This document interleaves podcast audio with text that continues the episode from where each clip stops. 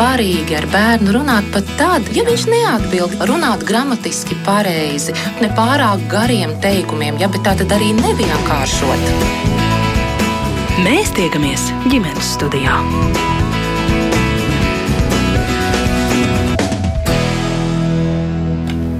Labdien, rādījums ģimenes studijas sāk savu skanējumu. Jūs sveicināta producenta Ilze Zvaigzne, mans vārds ir Agnese Linka.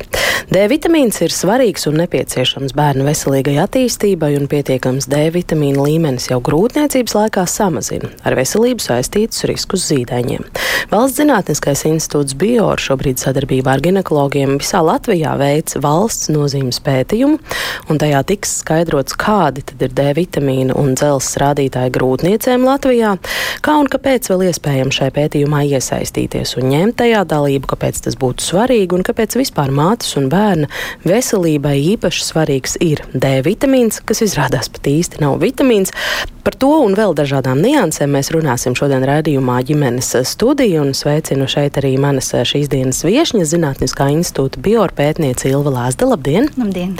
Un arī dzene Rīgas dzemdību nāmā ginekoloģa dzemdību speciāliste, viņa arī Latvijas ginekologu un dzemdību speciālistu asociācijas prezidents studenta Vīvējs. Sveiki! Es gribu aicināt arī jūs klausītāji, kā vienmēr jūs varat pievienoties mums šai sarunā ar kādiem saviem eh, jautājumiem. Gaidīsim jūsu komentārus, jā, vai arī, ja gribat ko vaicāt, varat izmantot iespēju uzrunāt arī uh, speciālisti šodien ar ģimenes studijas starpniecību. Rakstiet tad mums no Latvijas radio mājaslapas, ja rodas kādi jautājumi. Visu pirms Ilva vaicāšu jums, kā bioru pārstāvēju, nu par D vitamīnu šķiet ir runāts krustu šķērsu gadiem, nu jau varbūt gadus desmit eh, ļoti aktīvi, vismaz kopš es strādāju šajā tematikā. Un kas tad ir tas, ko mēs vēl nezinām, ko Biora šobrīd eh, šai virzienā vēlas izpētīt? Jā. Jums ir taisnība. D vitamīns ir apspriests eh, daudz un plaši. Um, un, um, šeit mēs runājam par šaurāku kontekstu, mēs runājam par grūtniecēm. Uh, par grūtniecēm otrajā trimestrī. Jūs jau pareizi ieskicējāt šo D vitamīnu nozīmību. Noteikti doktora Veisa pastāstīs par to vēl vairāk. Bet um, tas, ko mēs vēlamies izdarīt, ir ieraudzīt šo lielo bildi.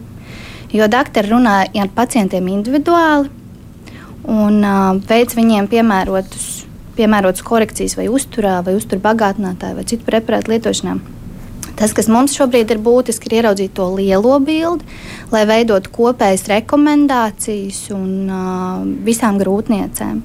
Un šeit mēs konkrēti lūkojamies uz D vitamīnu un dzelzi. Šajā gadījumā šis ir Veselības ministrijas pasūtīts pētījums, kas ir Eiropas sociālo fondu līdzfinansēts. Līdz ar to skaidrs, ka to nozīmību redzam ne tikai mēs, bet arī tas tiek novērtēts augstākos līmeņos. Un, uh, tas, kas mums šobrīd ir aktuāli, pētījums ir aktīvajā fāzē, notiek lauka darbs, mēs pētām grūtnieces, aicinām viņus piedalīties pētījumā, bet to mēs darām sadarbībā, kā jau jūs minējāt, ar ginekologiem visā, visā Latvijā. Tāpēc tas mūsu lūgums un aicinājums šajā brīdī būtu ginekologiem joprojām atsaukties un piekrist dalībai, gan tad, kad mēs viņus uzrunājam caur e-pastiem, caur telefonu zvaniem. Gan arī tie ginekologi, kuriem ir vēlme un interese, var pieteikties mums paši, rakstot mums e-pastu uz pavisam vienkāršu adresīti pētījums atbior.lv bez garumzīmēm. Un, uh, mēs labprāt iesaistīsim ar vien jaunus ginekologus, jo nu, mūsu uzdevums ir aptvert abs absolūti visu Latviju, kas šobrīd notiek. Bet, uh, protams, ka mēs vienmēr vēlamies lielāku atsaucību, lai mēs pēc iespējas vairāk grūtniecis varētu iesaistīt. Diemžēl, diemžēl grūtniecības pašas nevar pieteikties dalībai pētījumā individuāli jo ir jāiziet neliels process uh, caur ginekologu, kurš tad izvērtē šo viņas veselības stāvokli un atbilstību iekļaušanas vai izslēgšanas kritērijiem. Tieši tāpēc mēs uh, ļoti aicinām ginekologus. Uh -huh. Labi par to, cik plašu sabiedrības daļu vai, vai konkrētās grupas daļu jums ir vēlme aptvert un kā tur tā pieteikšanās un kāda ieguvuma varbūt vēl mirkli vēlāk runāsim, bet doktorē Veisējā tad vaicāšu, nu, kāpēc tieši grūtnieces un kāpēc tieši D vitamīns ir uzmanības fokusā? Kā jūs redzat to pamatojumu šādam pētījumam? Nu, jā, nu, jāsaka, tieši tā, kā Ilva arī uzsver, tad šis ir Eiropas finansēts pētījums. Līdz ar to ir skaidrs, ka šie jautājumi nodarbina ne tikai mūs šeit Latvijā dzīvojuši, bet īstenībā gan Eiropā, gan Amerikā vēl tiek meklētas atbildes uz eh, daudziem jautājumiem saistībā ar D vitamīnu nozīmību grūtniecības laikā. Eh, jo nu, mēs skaidri zinām, ka D vitamīns ir saistīts ar, ar kaulu veselību, ar kalciju uzsūšanos un, un ir citi efekti, par kuriem mēs varam parunāt vēlāk. Bet tāpat laikā mēs zinām arī, ka grūtniecis ir īpaša populācija. Tad ir jautājums, vai grūtniecēm šis D vitamīns būtu jābūt tādā pašā līmenī kā citiem cilvēkiem, pieaugušajiem, bezgrūtniecības sievietēm, eh, kāda deva lietošanai būtu droša, vai lietošanai būtu nepieciešama lielāka deva, eh, kādas ietekmes ir tieši sezonai, cik mēs lietojam vasarā, vai mēs lietojam vasarā, ziemā, kādas ir drošas D vitamīna devas. Un, un šobrīd tādas lielas vienprātības eh, arī, arī citās Eiropas organizācijās par to nav, jo īsti nav pamata varbūt skrīnēt, jeb testēt visām grūtniecēm D vitamīnu līmeni asinīs un pielāgot individuāli devu. Tātad mums kopumā vajadzētu būt kādai drošai devai, ko mēs varētu rekomendēt visām sievietēm. Mums noteikti vajadzētu domāt par to, ka ir kāda riska grupa kurai vajadzētu iespējams tiešām noteikt D vitamīnu līmeni asinīs un pielāgot devu individuāli. Tas šie jautājumi ir gana daudz, un tāpēc, protams, ka tās atbildes vislabāk mēs rodam, tad, ja mēs apzināmies un izpētam to situāciju, kā tad mums uz vietas šeit ir Latvijā Un tad mēs arī varam veidot tās rekomendācijas drošas un piemērotas tieši savām vajadzībām. Mm. Tad šobrīd eh, līdz šim ir veikta kāda pētījuma Latvijā par D vitamīnu līmeni vispār uh, grūtniecēm? Ja nemaldos, jā, es domāju, ka profesors Lais, eh, Lailas Mējas vadībā, mm, es domāju, ka es nekļūdos. Jā, un šeit Ilva varētu papildināt man droši vien. Jā, šobrīd paralēli notiek vēl viens pētījums grūtniecēm, kur arī viens no. Bet tā kā mēs neesam tajā šī pētījuma izpildītāja, jā, es nevarēšu sīkāk komentēt, bet paralēli notiek pētījums grūtniecēm trešajā trimestrī, kur tiek papildus vēl citi faktori pētīti. Un šis pētījums ir grūtniecēm otrajā trimestrī, un tad rezultātā mums būtu tāds visaptvero, visaptveroša informācija par gandrīz vai visu grūtniecības procesu un kas notiek ar uh, grūtniecēm tajā. Bet uh, citu lielu pētījumu Latvijā par grūtnieču D vitamīnu un dzelzs statusu nav. Ir veikti pētījumi par iedzīvotāju D vitamīna līmeni. Bet, par vispārējo populāciju. Jā, bet, ja, ko nu, tie ir rādījuši? Ir, bet, ir nu, kāds... jau jāsaka kādu laiku krietnu iepriekš. Mm, un, novecojuši. Ja manā atmiņa neviļ, tad šie pētījumi rādīja, ka normāls D vitamīna līmenis ziemā vidēji iedzīvotājiem bija nedaudz virs 10%. Ah, tik maz. No, tā ir norma 10% iedzīvotāju. Jā. Mm -hmm. Jā, tas tiešām ir maz. Jā, un uh, ir uh, faktiski nu, ļoti likumsakarīgi, ka šie, šis ir tas otrais un trešais trimestris, kad mēs izvērtējam grūtniecības D vitamīnu status, jo nu, tas ir arī tas laiks, kad tieši kalcija vajadzības sievietes organismā ir visaugstākās gan viņai pašai, gan arī gādāmam mazulim. Un uh, D vitamīna loma tieši kalcija uzsūkšanās procesā ir ļoti, ļoti nozīmīga. Tādēļ tas uh, nu, ir ļoti svarīgi tieši šis laiks grūtniecei. Mm. Jā, jūs teicāt, ka dažos jautājumos nav vienprātības, bet uh, kas tad vēl ir tie, jūs pieminējāt, nu, saistība ar kalciju uzsūkt spēju? Kas vēl ir tie aspekti, kuros mēs varam teikt, jā, ka D vitamīns ir īpaši svarīgs grūtniecei? Jā, nu, tā tad. Um, Jāsaka, ka uh, ir arī tādi pētījumi, kuri ļauj kaut ko secināt, bet tāpat laikā nākamajā teikumā saka, ka šeit ir nepieciešami vēl dati. Ja? Bet uh, kopumā tātad um, atskaitot šo kalciju metabolismu, mēs uh, varam teikt, ka ir, ir novērotas saistības starp uh, to, ka D, D, D vitamīna deficīta gadījumā novēro biežāk preeklamsijas attīstību, kas ir tāds ļoti specifisks ar grūtniecību saistīts stāvoklis, kas var būt bīstams gan mammai, gan bērnam. Un kas nereti liek pārtraukt grūtniecību ātrāk nekā mēs to gribētu citā situācijā. D vitamīna deficītam ir saistība arī ar to, ka dzimst mazāk svara bērniņu, un viņiem varētu būt arī dažādas citādas problēmas vēlāk dzīves laikā. D vitamīna deficīta gadījumā Mēs varam novērot arī priekšlaicīgas dzemdības šiem bērniņiem, kurus ir dzimuši mamām ar D vitamīnu deficītu. Arī novēro, nu, vienkāršiem vārdiem sakot, mīkstākus kaulus, jeb osteomalāciju, līdz ar to nu, šīs kaulu muskuļu sistēmas problēmas. Un, nu, jā, un, jo nu, lielā mērā, protams, ka D vitamīnu bērniņš auglis krūtniecības laikā saņem no mammas, un arī pirmajos dzīves mēnešos viņa asinīs cirkulē tas D vitamīns, ko viņš no mammas ir saņēmis caur placentu. Tādēļ nu, ir būtiski, ka mamma kā šis eh, galvenais uzturvielu, vitamīnu, mikroelementu avots ir, ir pilnvērtīgi nodrošināta. Mm. Bio pētījumā tas ir saistīts arī ar dzelzceļa līmeņa noteikšanu, ar dzelzceļa līmeni asinīs. Jā, Mēs nosakām gan D vitamīnu, gan vairākus dzelzceļa uh, rādītājus. Um, Kāpēc tā?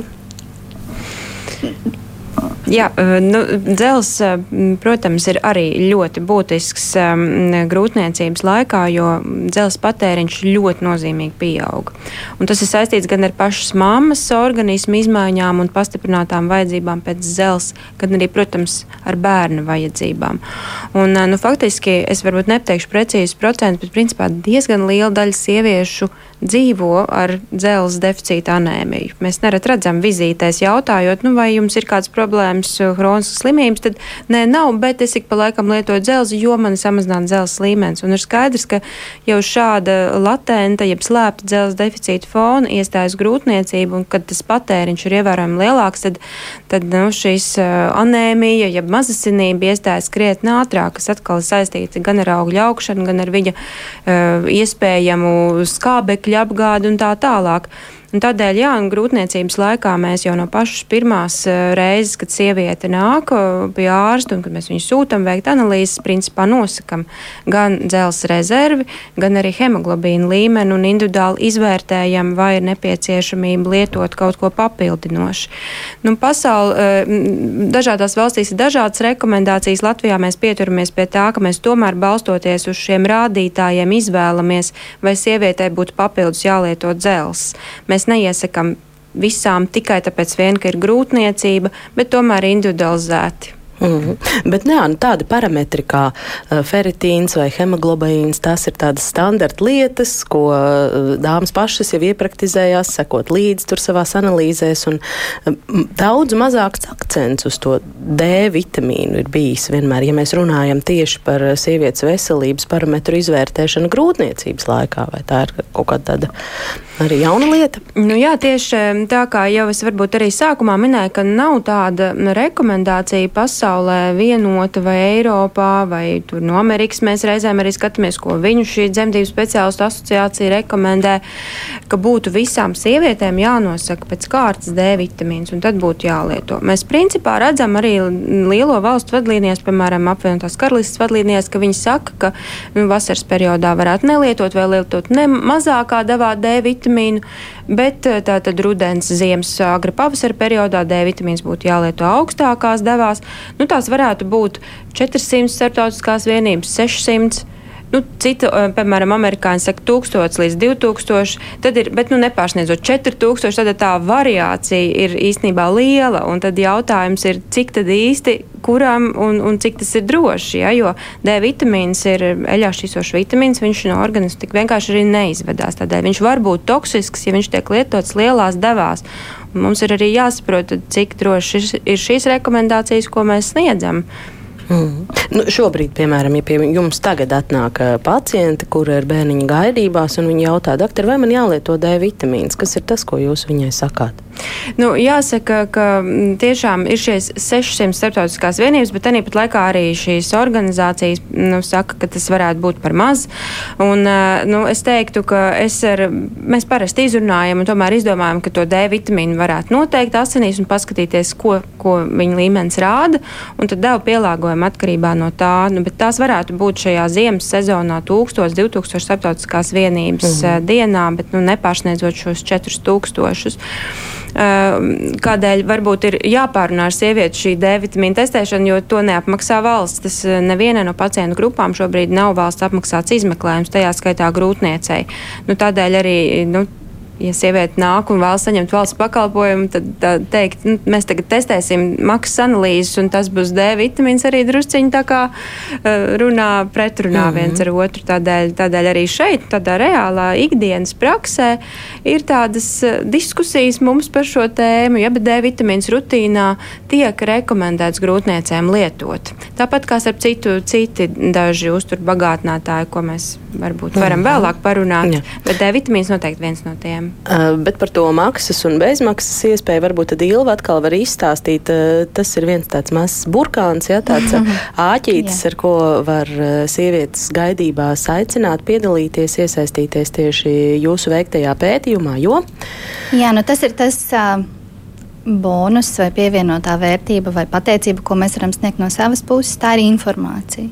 Informācija, ko grūtniece var uzzināt par savu veselības stāvokli. Un, protams, ka visas šīs veiktās analīzes, um, tās ir uh, pilna asinsaina, D vitamīns, ferritīns, parathormons un vēl tāds um, papildu rādītājs, kā transferīns šķīstošie receptori, tiek noteikti pilnīgi bez maksas grūtniecei Un, nu, man liekas, tā ir lieliski iespēja ietaupīt šos 7 eiro nu, mm -hmm. un veikt šīs analīzes bez maksas, mm -hmm. kas standartā būtu jāapmaksā pašai. Jā, cik plaši jūs vēlētos to uh, grupas aptveri, lai, lai cik plašu dalībnieku skaitu iesaistītu pētījumā? Nu, kopējais mērķis ir 1020 grūtnieces, ja pavisam precīzi. Uh, Jo šobrīd līdz janvāra beigām mums ir palicis laiks datu vākšanai. Tas vēl ir divi mēneši priekšā, līdz ar to mēs aicinām vēl piedalīties.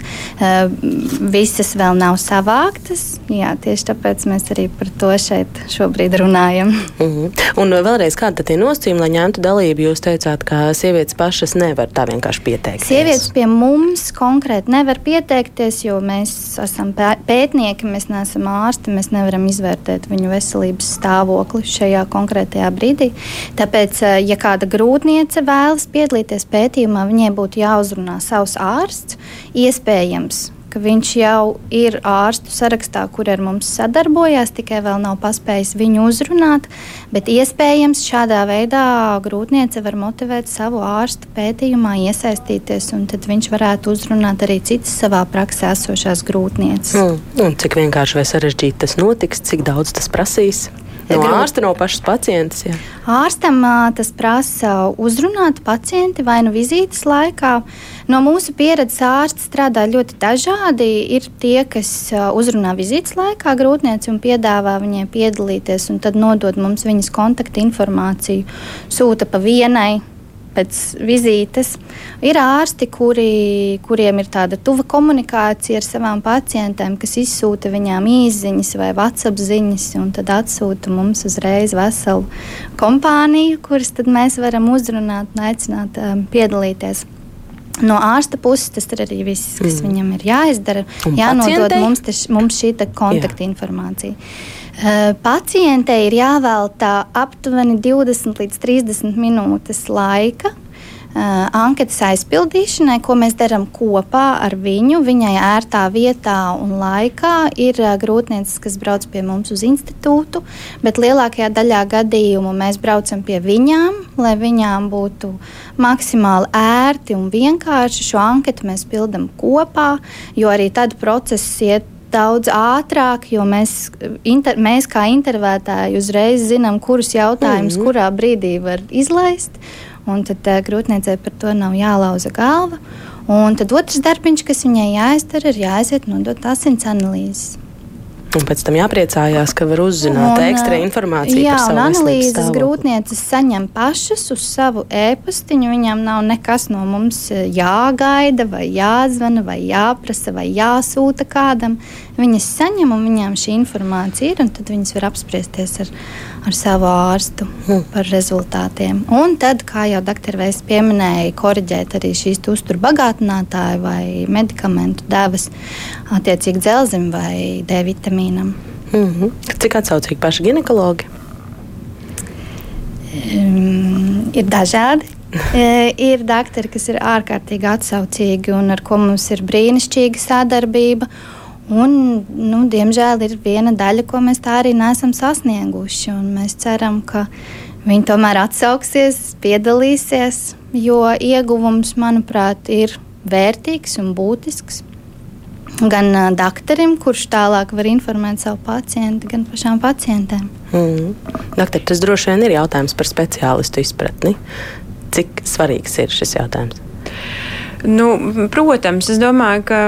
Nu, Es man šķiet, neesmu pēdējos gados satikusi cilvēku, saka, vai cik man ir daudz brīva laika, un kur lai es to tagad lieku. Nu, pārsvarā mēs visi esam skrējienā no punkta A uz B un no B uz C, un tā ir taisnība. Uh, Un, uh, un, uh, man liekas, ka uh, nu, tas atslēgas vārds tādam aicinājumam iesaistīties tiešām ir tas, ka nu, tas neprasa no speciālista daudz, tas prasa tiešām īsi izstāstīt un akcentēt ieguvumus. Tas, tas tiešām nav sarežģīti, un, un, un mēs arī cenšamies uzrunāt savā asociācijā, un, un, un to, to arī turpināsim darīt. Piemēram, šī raidījuma starpniecības, domāju, ka mēs noteikti varam arī dalīties tālāk. Tā, kā, nu, jā, nu, tā, tā jau ir. Tas nav vienkārši, bet es domāju, ka tas nav neiespējami arī šo pētījumu grupu. Jā, protams, nu, laika faktors ir viens, otrs faktors ir tas, ka, protams, grūtniece otrajā trimestrī nav tāds paredzams respondents, ko doktors mums var iedot. Līdz ar to, ja mēs iepriekšējos pētījumos esam strādājuši ar ģimenes ārstiem, kuri var sniegt pacientus no savas, no savas prakses, um, tad ar grūtniecēm ir citādāk. Ir grūtniecības, kas plāno savu grūtniecību, ir kas nē, un tad vienā dienā viņa nav grūtniece, nākamajā dienā viņa varbūt ir. Un doktors to nekādā veidā nevar paredzēt vai ieplānot, ka viņš, teiksim, pētījumu ietvaros varēs mums iedot desmit dalībnieku kontaktus. Mm. To mēs arī, protams, ļoti, ļoti labi saprotam. Mm -hmm. Bet galvenais, kāpēc mēs par to šodien runājam, protams, ir ne tikai pieaugušu, pieaugušu sieviešu veselība, bet uh, tas, ka tam ir pēc tam pastarpināta ietekme arī uz uh, gaidāmā bērnu veselību. Un, jā, es arī raidījumu ieskaņā vairāk kārt pieminēju bērnus, un ar to domāju ne tikai jaundzimušos, tāpēc šobrīd mūsu sarunai pievienosies arī Bērnu klīniskās universitātes slimnīcas bērnu slimību klīnikas virsārste, pediatra bērnu endokrinoloģija Iveta Dzīvīta Krišāna, kurai mm, mēs ģimenes studiju šobrīd nu, vīrusu sezonai uzņemot apgriezienus arī dzen, gribējām pavaicāt un lūgt izstāstīt, kāda tad ir D vitamīna nozīme mazāku un lielāku bērnu veselībā. Ieklausīsimies eh, viņas teiktajā un pēc tam turpināsim. D vitamīns ir um, īstenībā hormons, ja mēs tā runājam, jo viņa darbības mehānismā izšķiram tādas divas būtiskas eh, lietas - skeletālā darbība, ja darbība uz kaulu muskuļu sistēmu. Tātad D vitamīns ir absolūti nepieciešams augoša bērna kaulu stiprības eh, nodrošināšanai, jo nu, bērnībā eh, bērns savu kaulu nostiprina un kaulu stiprība izveidojās. Tālāk jau pēc 20 gadiem kaulu blīvums nu, tikai mazinās. Tātad ir ļoti svarīgs šis bērnības periods, lai nostiprinātu kaulus. Tā ir viena lieta, un otra lieta ir ārpus eh, skeletālā D vitamīna darbība, tad D vitamīna ietekme uz citām orgānu sistēmām un galvenokārt uz imūnosistēmu. Tātad arī D vitamīns ir nepieciešams imūnās sistēmas stiprināšanai un organismu pareizai atbildes reakcijai uz tātad, vīrusu bakteriālu kairinājumu. Un arī šajos vīrusu laikos ir vairāk pētījumi, kas apliecina to, ka stabilizējot, normalizējot D vitamīnu līmeni, arī vīrusu infekcijas ir retākas un arī viņas ir vieglākas. Nākamā lieta, ko mēs arī ņemam vērā, ka, diemžēl, mēs atrodamies tādos platuma grādos, kur neskatoties uz to, ka varbūt arī mums ir ļoti saulaini rudeņi un saulaini pavasari, bet, diemžēl, šo D vitamīnu mēs nevaram uzņemt no saulītes šajos laikos, jo D vitamīna ražošana ādā ir atkarīga no ultravioleto staru D starojumu klātbūtni, un tas ir pilnīgi atkarīgs no saules staru krišanas leņķa uz Zemi. Tātad D vitamīna sintēze sākās tad, kad saules staru leņķis pārsniedz 50 grādus virs horizonta. Teiksim, tā, ja mēs skatāmies ikdienas, tad nu, cilvēka ēna šajā laikā ir īsāka par pašu cilvēku augumu, ja mēs skatāmies uz ēnu. Tātad šis uh, diennakts laiks, mūsu platuma grādi pietiekamai D vitamīna sintēzei, tas ir no maija sākuma līdz augusta pirmajai nedēļai. Tas ir tas laiks, kad pie mums Latvijā cilvēks var fizioloģiski normāli sintēzēt D vitamīnu ādā. Tas nenozīmē, ka šajā laikā cilvēkam ir jābūt jūrmalā, peldkustībā, izģērbtam, jāsauļojās. Šajā laikā Vidēji tas ir no 11 līdz 2 dienā. Pietiek ar atsaktu seju, rokām, kājām, bez saules aizsarkrēmu 30-40 minūtes. Tad arī pietiek, lai sintēzētu fizioloģiski zemādā D vitamīnu. D vitamīns uzkrājās zemādas taukaudos, un tālāk organisms fizioloģiski izmanto tik, cik ir nepieciešams. Bet šeit atkal ir viens bet bērniem, arī pieaugušiem, kuriem ir liekais svars, kuriem ir nepareizs augšūnas, jeb hipertrofēts augšūnas, D vitamīns uzkrājās un organisms nespēja viņu pietiekami labi izmantot. Līdz ar to cilvēkiem ar lieko svaru, bērniem ar lieko svaru ir lielāks risks D vitamīna deficītam, nepietiekamībai, nekā tas ir cilvēkiem, bērniem ar normālu svaru. Vai jūs varētu arī pakomentēt, kāda ir eh, statistika par D vitamīna līmeni bērniem Latvijā? Vai mēs varam teikt, ka visiem bērniem Latvijā tas ir nepieciešams? Un ka tas ir nepietiekams lielākajā daļā bērnu populācijas Latvijā. Tātad, runājot par D vitamīnu vispār populācijā, nu tāda vispār aptveroša statistiski mērījumi bērniem nav veikti. Mm, bet ņemot mūsu platuma grādus, es gribu teikt to, ka visiem bērniem sezonāli, un ne tikai bērniem, sezonāli D vitamīna profilaks ir nepieciešama. Bet nu, jau strādājot ikdienā slimnīcā, kur, protams, nenāk veseli bērni, bet bērni ar problēmām, analizējot D vitamīna līmeni, lielākoties gadījumu mēs vērojam, ka ir D vitamīna nepietiekamība. Līdz ar to nu, tas apstiprina to, ka mums sezonāli regulāri ik gadus D vitamīna profilakse, bet es atkārtoju, profilakse ir nepieciešama. Profilaktiskajās devās. Jo, nu, manuprāt, patreiz ir tāda liela ažiotāža ar D vitamīnu un aptiekās piedāvājumi ir uh, milzīgi lieli ar lielu D vitamīnu koncentrāciju. Un šīs profilaktiskās devas ir nelielas, Nereti vecāki neizprot, cik daudz bērnam ir vajadzīgs, un arī lieto šīs lielās D vitamīna devas, kas ir domātas D vitamīna deficīta ārstēšanai, nevis profilaksē. Šeit ir jābūt uzmanīgiem. Šīs lielās devas būtu jālieto tikai ar ārsta ieteikumu. Kāda tad būtu profilaktiskā deva kādā vecumā? Tātad bērnam pirmajā dzīves gadā šī profilakse no 400 līdz 600 darbības vienībām dienā, tad pēc gada vecuma līdz 10 gadu vecumam 400 līdz 600 tāpatām. Un tālāk jau pubertātes laikā no 11 līdz 18 gadiem ir 600 līdz 1000 darbības vienības dienā. Tās ir profilaktiskās dēļas. Tās, kas būtu jālieto sezonāli, Tātad pēc vasaras no septembra līdz eh, tātad, aprīlim ieskaitot, ja tā sezonālā profilaks ar tām devām, ko es tikko minēju. Un, ja sezonāli tiek lietots D vitamīns un vasaras laikā bērns atrodas ikdienā arī laukā, šo laiku sprīdu nelielo ir tātad bez saules aizsarga krēma ar atsaktām rokām, kājām, seju, saulītē, tad arī pietiktu, lai mēs izskaustu D vitamīnu deficītu. Cik bieži jūsu skatījumā bērniem būtu profilaktiski jāpārbauda D vitamīna līmenis asinīs?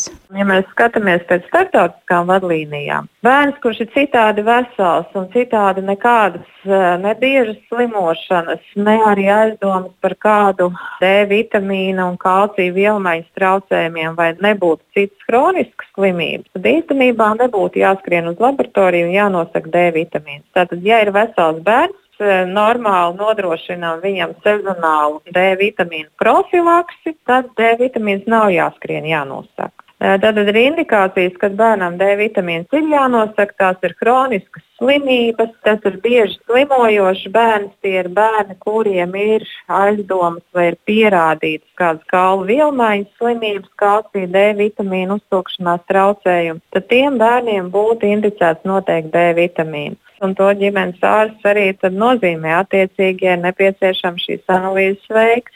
Jūs arī pieminējāt, ka aptiekās piedāvājums eh, D vitamīnu formām ir ļoti, ļoti plašs. Vai jūs varat palīdzēt arī norientēties, kas tad būtu tā labākā forma, kādā to profilaktisko devu uzņemt? Vai tie ir pilieni, kādas eh, žēlēja konfektītes vai kapsulu veidā? Kā izvērtēt, kas būs bērnam piemērotāk, kas labāk uzsūksies un kā tie pareizi jālieto? Pirmkārt, kas kuram bērnam būtu labāks, to jau izvērtē vecāki, vai viņam vieglāk arī pilīt iepilināt, vai norīt uh, kapsuliņu, vai žēlēju konfektīti apēst. Tam būtiska nozīme nav. Bet svarīgi ir tas, ka D vitamīns ir jālieto ēšanas laikā, jo D vitamīna uztūkšanai ir vajadzīgs žultskāps, kas izdalās bērnam vai, vai cilvēkam ēdot. Dienas laiks, kurā uzņemt D vitamīnu, nav būtisks. Tādēļ, ka D vitamīns, kā jau minēju, uzkrājās zemādu stāvkaudos, un viņš uzkrājās atšķirībā no citiem varbūt mikroelementiem. Ir svarīgs tas, ka D vitamīnu mēs uzņemam ēšanas laikā. Bet, lai D vitamīns mums pareizi fizioloģiski izmantotos organismā, ir nepieciešams arī pietiekams kalcija, magnīja daudzums, bet galvenokārt uzsverot uz kalciju. Tā tad uh, ir ļoti svarīgi arī vecākiem izvērtēt, vai tātad bērns ēd pilnvērtīgi un viņš ar uzturu saņem pietiekamu kalcija daudzumu. Tas arī ir ļoti būtiski.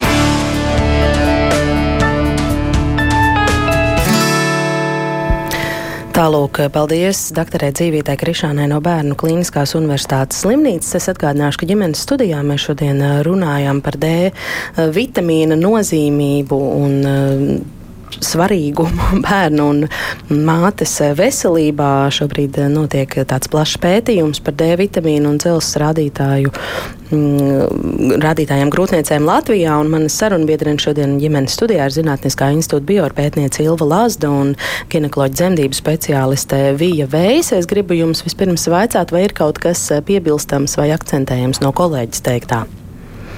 Jā, vispār bija ļoti interesanti klausīties gan kā, gan kā ārstam, kolēģim, gan arī kā mammai, protams. Un, un, nu, jā, nu, tā aktualitāte, protams, ir ne tikai grūtniecēm un pieaugušiem, bet arī, arī bērniem D vitamīnu šajā adekvātajā uzņemšanā.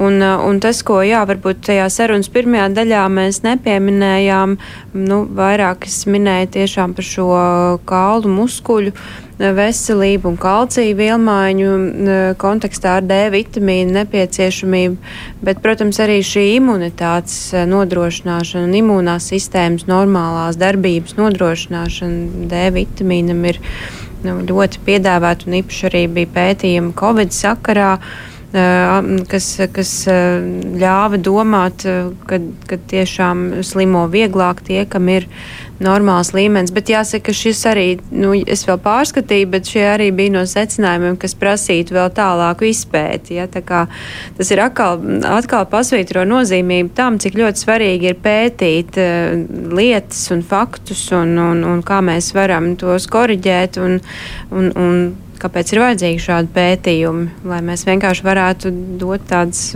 pētījumos balstītas rekomendācijas savām, mm -hmm. saviem pacientiem. Mm -hmm. Vēl viens, man liekas, arī ļoti būtisks faktors, ja mēs runājam par kaut, kādiem, par kaut kādām fiziskām izpausmēm, tad droši vien, ka viena lieta, par ko mēs nevarētu aizmirst, ir tas, ar ko grūtniecis sastopas pēcdzemdību periodā, kad um, bieži vien viņas ir pakļautas pēcdzemdību depresijas riskam.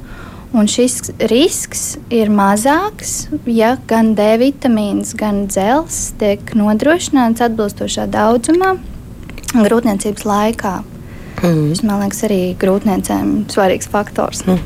Un tur eh, bija arī doktoras teiktajā klausoties, ko aizdomāties par tām devām. Jo es, eh, kā mamma, savukārt eh, piefiksēju, ka tad, kad es ieju aptiekā un atkal esmu visu kaut ko aizmirsusi, ko ģimenes studijā esmu saklausījusies, tad es jautāju farmaceitam, kāda ir tā optimālā deva. Bieži es esmu saņēmusi jā, ieteikumu nopirkt daudz lielākas koncentrācijas D vitamīnu preparātu, ko dot saviem bērniem, teiksim, nosaucot arī viņu vecumu. Tās normas, ko man iesaka aptiekārs, ir daudz lielākas nekā pēdējās pieminētās profilaktiskās devas. Vai arī attiecībā uz grūtniecēm. Jūs jau pieminējāt, ka Jā, ir tā šaubīšanās par to optimālo devas jo tajās, lielumu. Piemēram, tādās eh, vadlīnijās ir salīdzinoši tiešām nelielas devas rekomendētas, un tad, kad ir pētījuma apkopojumi un apskati, tur arī ir secināts, ka rekomendē šādas devas, bet iespējams visdrīzāk ar tām ir par maz un varētu būt tas pat 1000 un 2000 starptautiskās vienības dienā dienā. Nu, jā, un arī individuāli vērtējot, eh, skatīties pēc lielākām devām. Um, nu, jā, un, eh, un šeit arī doktori pie, minēja riska grupas, un riska grupas, kurām D, D, D deficīts varētu būt ar lielāku iespēju, ir tās sievietes, kurām ir eh, liekais svars, tās sievietes, kurā, kuras maz uzturs ārā nu, hroniskas saslimšanas arī dzēn, tumšādaini cilvēki ir ar lielāku D deficītu risku. Un, un šie gadījumi, protams, būtu jāizvērtē nu, vēl jau vairāk mhm. individuāli. Mm -hmm. Līdzīgi kā es jautāju bērnu ārstēm, bērnu ārstēs jautāšu arī jums, vai arī grūtniecēm ir kāda piemērotākā forma, jūsu skatījumā, kādā to D vitamīnu uzņemt, vai pilieni, kapsulas, nezinu, vēl kādi veidi? Parasti arī tāda tīra individuāla gauma un izvēle aptiekā kuram vairāk kapsulas, reizēm grūtniecēm grūti viņas norīt, jo ir, ir šķebināšana un slikta duša, kas pavada grūtniecību nereti. Un, un tad eh, šie spreji ir ērta forma vai eļas pilieni, piemēram, to var noteikti pielāgot savām vēlmēm un vajadzībām. Mm. Un, kā ir ar to veselīgo uzturu? Man šķiet, ka pašā sākumā Ilva minēja, ka ārsts ir tas, kurš konsultē savu pacienti, piemēram, topošo māmu, un tad veic kādas nu, uztura korekcijas arī pēc analīzēm skatoties. Man liekas, ka diezgan bieži vienkārši droši vien tā paša laika trūkuma dēļ no ārsta iesaka, vai jūs saka, vai jūs zinat, ka jums jāēd veselīgi, un tad tas ēst veselīgi jau tālāk ir atkarīgs no no katras pašas sievietes zināšanām un izpratnes par šiem jautājumiem. Man vispār šķiet, ka uh, tieši uzturu speciālistam grūtniecības aprūpē noteikti būtu ļoti svarīga loma. Jo daudz, nu, darīt, ļoti jā. daudz mhm. sievietēm būtu ārkārtīgi vērtīga šī konsultācija. Gan lai nepieņemtos svarā par daudz, gan lai pieņemtos normāli, ja, un lai pieņemtos pietiekami, jo ir, jo ir dažādi. Jo nu, kopumā um, varam teikt, ka mamma grūtniecības laikā ar savu uzturu un pareizu ēšanu un normālu svara dinamiku, tātad nepieņemoties svarā par daudz, e, faktiski varam teikt, ka ieprogrammē savu bērniņu nākotnes veselību. Tas nav tikai par to, cik būs kilogrami, kā es no tā tikšu vaļā un, un cik tur laicīgas būs dzemdības vai kāds būs bērniņa svars, bet šeit ir runa tiešām par bērniņa dzīvi un viņa veselību nākotnē. Tātad, piemēram, par bērnu aptaukošanās risku, par bērnu cukura diabēta risku, par kardiovaskulāro slimību risku, kas ir saistīts piemēram tajos gadījumos paaugstināti, ja sieviete uzņem par daudz svāru grūtniecības laikā, kas, protams, ir vistiešāk saistīts ar ēšanu. Mm. Tādēļ nu, uzturu rekomendācijas ir nu, ļoti nozīmīgas grūtniecības laikā. Man liekas, tas ir brīnišķīgs pagrieziena punkts, kad varbūt visai ģimenei paskatīties uz savu ēdienkartu un, un veikt tajā izmaiņas, ēst veselīgāk, izma, izm, izvēlēties veselīgākus produktus, domāt par to, kā tie tiek gatavoti. Nu, jo tas tiešām ir ļoti nozīmīgi ilgtermiņā. Mm -hmm. Bet doktora Dzīvita Krišāna pieminēja bērnu sakarā kontekstā ar D vitamīnu tieši kalcija pietiekamību uzturā, vai arī par grūtnieču uzturu šeit ir kaut kas, ko mēs varētu akcentēt saistībā ar D vitamīnu un tieši kalcija daudzumu? D vitamīns ir svarīgs. šajā kalcija vielmaiņā, protams. Bet, um, kalciju mēs tik liels akcents uz kalciju mums šajā pētījumā diemžēl nav. Tajā pat laikā ar anketas datiem mēs ievācam informāciju arī par to, vai grūtniece lieto, cik bieži viņa lieto piena produktus, kas ir pamata kalcija avots mūsu tādā vidējā uzturā. Šo informāciju mēs apkopojam, jā, un um, Arī par kopējo uzturu, kur kā doktora minēja, mēs ievācam kopējo uzturu informāciju. Un, um, ir jāmin tas, ka jā, es, mēs novērojam to, ka mēs redzam, ka ārsti sniedz informāciju par uzturu grūtniecēm, bet mazāk par tādu kopējo, vispārējo veselīgo uzturu, bet par to, kurus produktus nevajadzētu lietot grūtniecības laikā. Tātad tādus riskantākos produktus, kas būtu jēla gaļa, jēlas zivis, siers no nepasterizēta piena un tam līdzīgi. Vairāk mm. tāda informē par šo pārtikas drošību, mazāk par šo veselības aspektu. Jā. Mm. Es jā, varbūt eh, mazliet pakomentēšu vēl par šo kalciju, jo es arī vienā um, vienā brīdī sacīju, ka šis kalcija patēriņš organismā tiešām ir uh, lielāks, īpaši otrā, trešā grūtniecības trimestrī, bet jāsaka, daba, daba un sievietes fizioloģija ir ārkārtīgi gudra, jo patiesībā sakot, kalcijas sievietes organismā grūtniecības laikā uzsūcas daudz efektīvāk un labāk. Līdz ar to, ja vien tiešām nav tādi situācija, kad sieviete absolūti izslēdz uh, piena produktus, tad pārsvarā gadījumu kalcijas viņas organismā ir pietiekami. Un kalcijas netiek rutīna veidā rekomendēts kā uzturbagātinātājs uh, grūtniecības laikā. Uh, savukārt nu, tās situācijas, ka tiešām ir laktozes nepanesamība un ka piena produkti netiek lietot, nu, tad tās varētu būt īpašas situācijas, kad šis jautājums ir jāizskata individuāli un jādomā, vai un ko lietot papildus. Un šeit es arī gribu teikt, ka um, par piena produktiem runājot, nebūt pieaugušam cilvēkam tā vienmēr ir glāze piena, ko viņš izdzers dienā. Tas varbūt nav tā ierasts, bet, bet jogurts, biespiens, siers kefīrs, tas viss ir pie piena produktiem, un tas, tas ir arī par kalciju.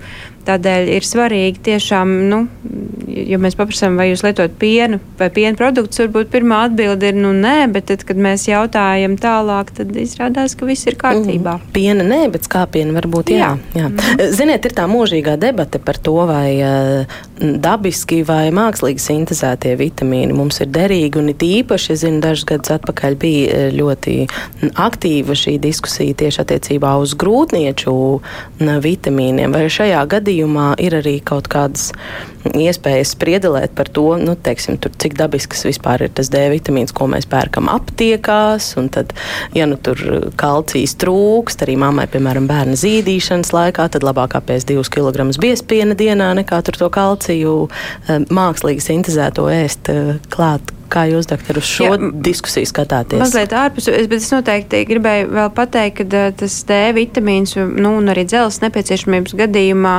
būtu jālieto arī krūts barošanas periodā. Mm -hmm. Bet, ja mēs runājam par vitamīniem, dabisks vai mākslīgs vai sintēzēts vai multikomplekss vai kā, tad eh, nu, jāsaka, ka pamatos aizvien ir, ir šis uzskats, ka veselīgi un sabalansēti ēdot pārsvarā visu to, kas ir sievietē nepieciešams priekš rūpniecības, viņi var uzņemt ar, ar veselīgu un sabalansētu uzturu. Un tas nozīmē, ka uh, uzturs ir, ir tātad, bagāts ar uh, augļiem, dārzeņiem, šķiedrvielām, tajā ir zivis pāris reizes nedēļā, liesa gaļa, kad tiek domāts par to, kā tas tiek gatavots, un tie nav eļā panēti un fritēti produkti, bet gan arī gatavošanas veids ir veselīgs. Eh, un eh, papildus tam es uzreiz gan arī vēlos sacīt, ka ir atsevišķi uzturbagātinātāji, kas ir jālieto papildus grūtniecei, pat ja viņa ēd veselīgi un piedomā pie savu uzturu. Un tā noteikti ir folskābe, kas būtu jāsāk lietot jau plānojot grūtniecību ideāli divus, trīs mēnešus pirms, jo tā lielākā folskābes vajadzība ir tieši tajās pašās pirmajās nedēļās, kad grūtniecība attīstās. Tad, kad tās ir saplānotas, saplūdušas šūnas, kuras sākušas dalīties, ka veidojas šī pirmotnējā nervu sistēma, jeb nervu sistēmas aizmetņi, un tieši tajā brīdī pietiekams folskābes daudzums var novērst tos defektus, kas var būt mm, ļoti nopietni nervu sistēmas attīstības anomāliju riski pēc tam bērniņam. Tādēļ tā ir folskābe. Otrs, par ko mums ir jārunā, un nu, arī īpaši Latvijā, jo šeit veiktie pētījumi rāda, ka mums ir joda deficīts, viegls līdz vidējs joda deficīts. Vispār šajā mums Latvijas populācijā grūtniecības, diemžēl, ir pakļauts vēl lielākam riskam ciest no joda deficīta, jo viņu organisms ir tā veidots, ka viņš vairāk izvada jodu nierēm, un jods vairāk tiek tērēts gan grūtnieces pašas vairogdziedzera hormoniem, gan arī bērniņa vairogdziedzera hormoniem. Līdz ar to grūtnieces ir īpašā riska grupā, un lai gan varbūt šis joda deficīts mums nav līdz tādām pakāpei, kad mēs runātu par nu, iedzīmtu garīgu atpalicību, ir tāds jēdziens kretīnisms, kas īstenībā šo apzīmē, kas ir saistīts ar ļoti smagu joda deficītu jau no agrīnas bērnības un no grūtniecības šiem bērniem, bet arī viegls līdz mērens joda deficīts īstenībā ietekmē intelektu koeficienta attīstību šiem bērniņiem.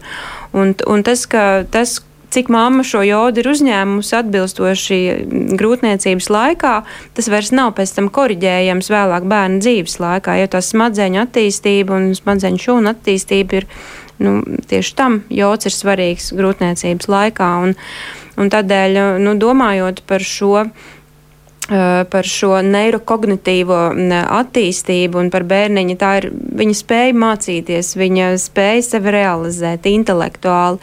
Jods noteikti būtu jāatcerās lietot jau arī plānojot grūtniecību, grūtniecības laikā un arī krūts barošanas laikā. Un rutīnā mēs runājam arī jā, par D vitamīnu lietošanu grūtniecei. Mm, jo tās ir tādas lietas, lai cik veselīgs un sabalansēts būtu mūsu uzturs, kas tomēr ir jāuzņem papildus. Tieši tā. Bez kādām liekām garām diskusijām.